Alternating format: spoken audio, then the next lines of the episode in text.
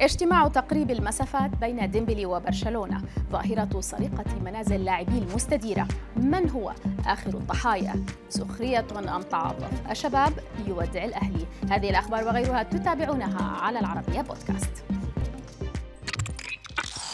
نبدأ أخبارنا اليوم مع الفرنسي عثمان ديمبلي جناح برشلونة الإسباني ومستقبله الذي ما زال معلقا فلم يحسم بعد بقاؤه أو رحيله عن النادي الكتالوني وبحسب L'Équipe الفرنسية فسيعقد اليوم اجتماع أخير بين وكيل اللاعب وإدارة برشلونة للوصول إلى حل يرضي الطرفين. وإلا فإن الوجهة المقبلة للاعب ستكون تشيلسي الإنجليزي خاصة أن عقد ديمبلي ينتهي مع برشلونة في الثلاثين من يونيو الجاري. وعلى ذمة المنشور فإن النادي قدم عرض عرضا ماليا يصل إلى 6 ملايين يورو لمدة ثلاث سنوات وهو راتب أقل مما يحصل عليه ديمبلي حاليا ب 11 مليون يورو.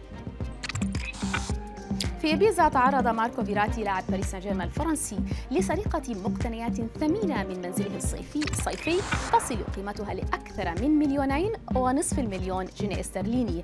الشرطة المحلية أشارت في بيانها الرسمي بأن الحادث وقع في هدوء وبدون اختراق للأبواب وقد تمت السرقة في الساعات الأولى من صباح يوم الأحد الماضي بينما كان اللاعب وعائلته خارج المنزل مشيرة إلى أن المسروقات تضمنت ساعات ومجوهرات وحقائب. الرقائب بالإضافة إلى الأموال.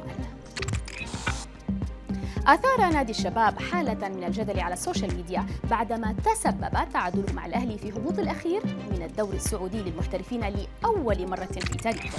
البداية كانت أثناء مغادرة خالد البلطان رئيس النادي الملعب رافعا يده نحو الجماهير. أعقبها فيه أعقبها تصريح منه شخصيا يؤكد فيه لوسائل الإعلام دفنه لمقولة الأربعة الكبار في الدوري السعودي.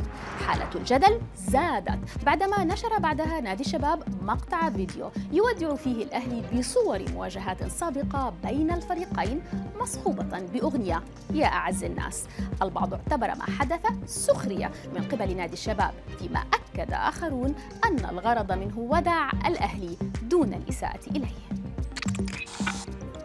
نختم مع عالم ديزني وتوصل إدارتها لاتفاق مع سائق مكلارين دانيال ريكاردو حول تطوير عرض فيلم تلفزيوني خاص بعالم الفورمولا 1 الأنباء الصحفية تشير إلى أن دانيال سيلعب دور سائق متقاعد يعود للمنافسة على الحلبة بجانب سائق شاب.